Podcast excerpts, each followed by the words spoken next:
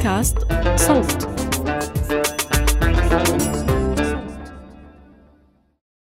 مرحبا أنا رنا داوود وهيدا بودكاست دمتك.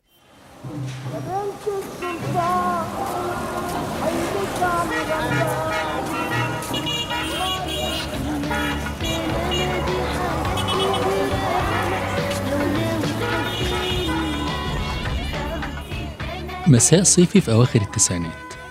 بنزل من بيتنا ناحية كشك شرايط الكاسيت. الألبوم الجديد لجورج وسوف نزل السوق. الشوارع منورة والناس رايقين. ده بسبب صوت جورج وسوف؟ ولا أنا اللي شايف كل حاجة حلوة؟ الشرايط مرصوصة جنب بعض وألوانها شكلها مبهر. مم. ألبوم عمرو دياب قمرين. ماليش قوي في عمرو ولا منير. مم، ممكن بهاء سلطان. ألبومه يا ترى مكسر الدنيا. هو ألبوم الوصوف طبعا اللي هشتريه.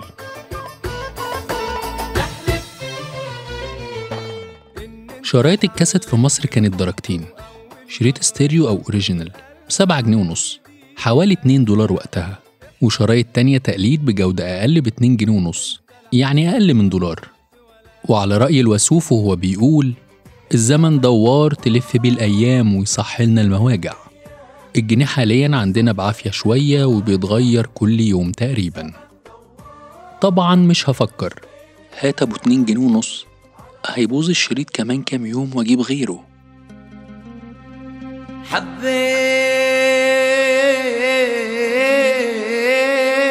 ارمي الشباب عقل ما بينشباب راجع البيت في منتهى النشوة. صوت جورج وسوف أو أبو وديع بيرافقني في المذاكرة. بركز أكتر على صوت جورج وهو بيقول لو كل عاشق يا هوى اختار نصيبه ما كانش عاشق يا هوى فارق حبيبه. وأقرأ كتب المرحلة الإعدادية أو الصف الثامن وأحفظ معادلات الكيمياء أو أحداث الثورة العربية وأنا بسمع جورج. لا تتمرجل على عاشق قلبه. معود يحمل قهر معود يحمل سهر لا تتمرجل على مرحبا فيكن ببودكاست دمتك بهالموسم منحكي عن قصص شخصية انعجنت بالموسيقى اللي رافقتها. اليوم رح تسمعوا من زميلي أحمد إيمان زكريا صاحب القصة وكاتبها هاي العلاقة مع جورج وسوف يمكن هي أول شي خبرني إياه أحمد أول ما انضم لفريقنا من سنة تقريبا. واليوم صار وقتي خبركن إياها.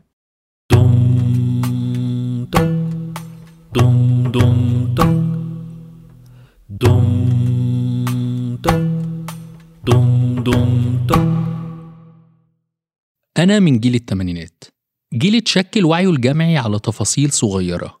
تقريبا كلنا اتشاركناها في مصر ويمكن شاركها معانا كتير من الجيل في بلاد عربية تانية.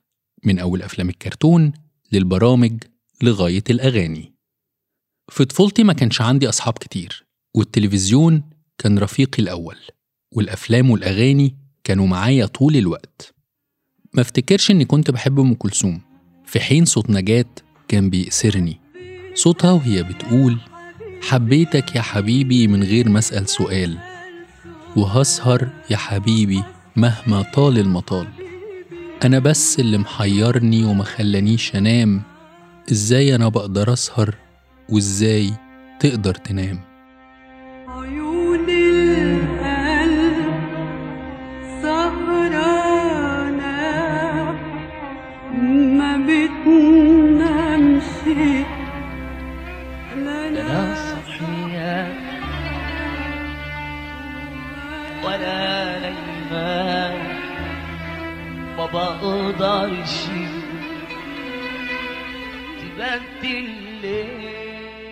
صوت نجاة صوت الحب. اتحول وأنا في إعدادي بالنسبة لي وبقى صوت جورج وسوف. والحقيقة إن أمي كانت هي السبب إني أتعرف على جورج وسوف. كل شهر تقريبا كانت بتجيب شريط جديد من أبو اتنين جنيه ونص. مرة شريط أنغام مرة شريط محمد محيي مرة محمد فؤاد. كان عندنا شرايط كتير وكل ما يبوظ شريط منهم كنت أنزل أجيب واحد تاني من الشرايط المتقلدة. كنت بحوش طول أسبوع المدرسة. كل يوم نص جنيه علشان آخر الأسبوع يوم الخميس أعرف أشتري الألبوم الجديد لجورج وسوف. أغاني جورج وسوف عند كتير من المصريين موصومة بصوت جورج اللي كان بيتغير. صوت الكروان اللي بنسمعه في أغنية حلف القمر هو نفس الشخص اللي غنى أغنية صاحي الليل من سنتين.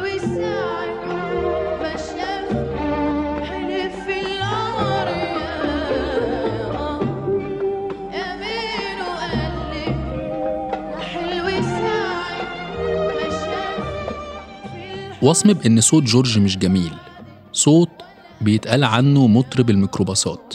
عشان كتير من سواقين الميكروباصات في مصر بيشغلوا أغانيه. وإن صوته اللي اتحول ده متماشي مع ثقافة السواقين اللي هي بين قوسين بيئة. حكم مش مفاجئ أبدا في بلد بيعشق الطبقية وعايش جواها من زمان.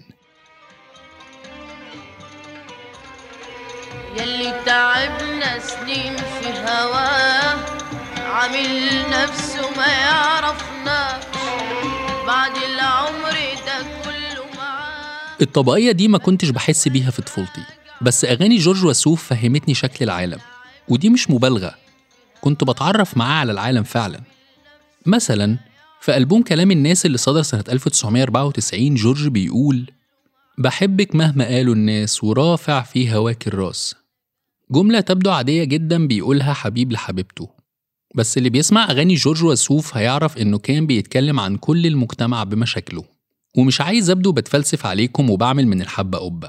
بس أغنية صياد الطيور مثلا فاكر إني كنت بسمعها في مرحلة الثانوية العامة كتير جدا. وقت الأمريكان كانوا بيحكموا قبضتهم على العراق اللي احتلوها سنة 2003 بشوف الصقر فارد في الهوا باعوا وأتباعه نشرهم في الفضا جاعوا طيور تانيين صغار مساكين جوعى لكن لهم نايمين ولا صاحيين. الأغنية خلتني أشوف العالم بشكل مختلف بدون أي مبالغة وفهمت معنى عبارة Life is unfair. لمراهق كان شايف الحياة لونها بامبي على رأي صلاح جاهين. أغنية جورج كلها سياسة وسهل جدا نربط كل كلمة فيها بالواقع السياسي ونظريات القوة. لا تقول لي فوكو ولا جرامشي. أبو وديع بيعرف يختار كلماته بعناية.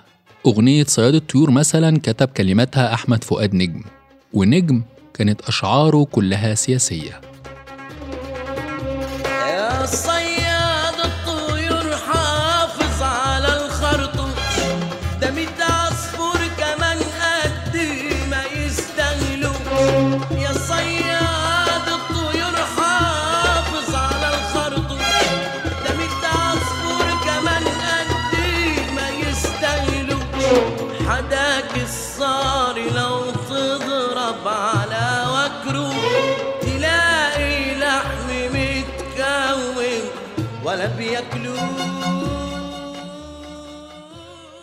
نرجع تاني للطبقية في مصر اللي بدأت أفهم تعقيداتها مع دخولي الجامعة ودراستي للعلوم السياسية. وكنت وقتها الشاب الساذج اللي بيعيش في العاصمة لأول مرة وبيشارك اهتماماته البسيطة ومطربه المفضل فيقول جورج وسوف. فيتقال له جورج؟ يا! يعني مش عمرو ولا منير؟ جورج ده مطرب السرسجية والشوارعية. والحقيقة أنا عمري ما فهمت ليه وصف الشوارعي ده وصف سلبي عند البعض. طول عمري كنت بحب الشارع وكنت بحس إن كلمة شوارعي كلمة حلوة.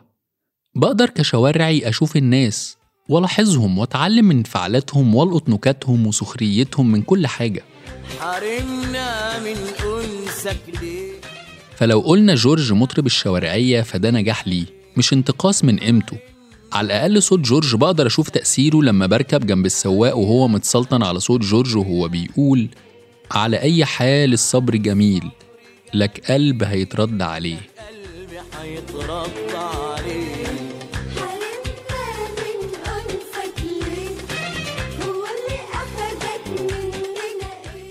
وسوف ممكن أوصفه بالمغني العضوي المغني اللي صوته وسط الناس العاديين. مش مغني نخبوي لأنه مش عادي إننا نلاقي أغنية لكاظم الساهر أو ماجدة الرومي أو حتى عمرو دياب في قهوة بلدي. لكن طبيعي تسمع صوت جورج وعبد الباسط حمودة وشفيقة وعبد المطلب في قلب القهوة البلدي.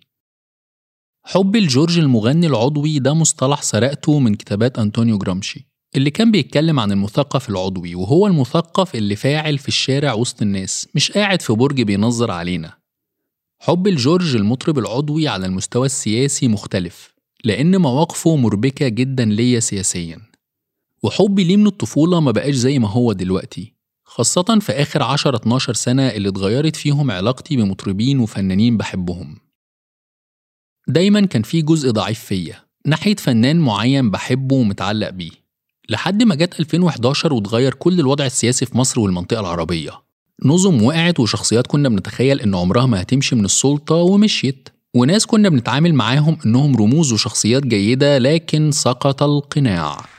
سقط القناع عن القناع سقط القناع ولا أحد إلاك.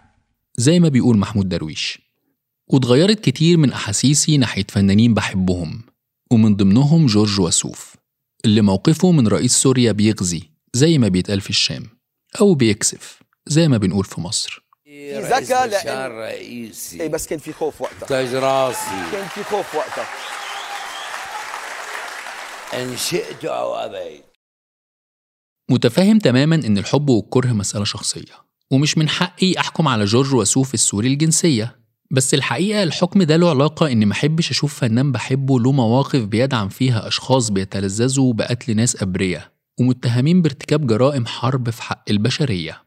صحيح ممكن يكون الفنان واعي بمواقفه تماما ومؤمن بيها وعارف هو بيعمل إيه.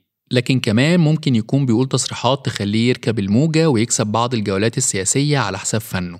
وهنا لازم نضحك لأن طول الوقت بيروجوا لنا أسطورة إن ما ينفعش نخلط الفن بالسياسة. زي بالظبط كده لما يقولوا لنا ما تحطوش الزيت على النار. كلام فارغ لأن الفن دايما بيستغل سياسيا وكتير مطربين عرب كانوا زي رجال الدين اللي بيتقال عليهم شيوخ السلطان.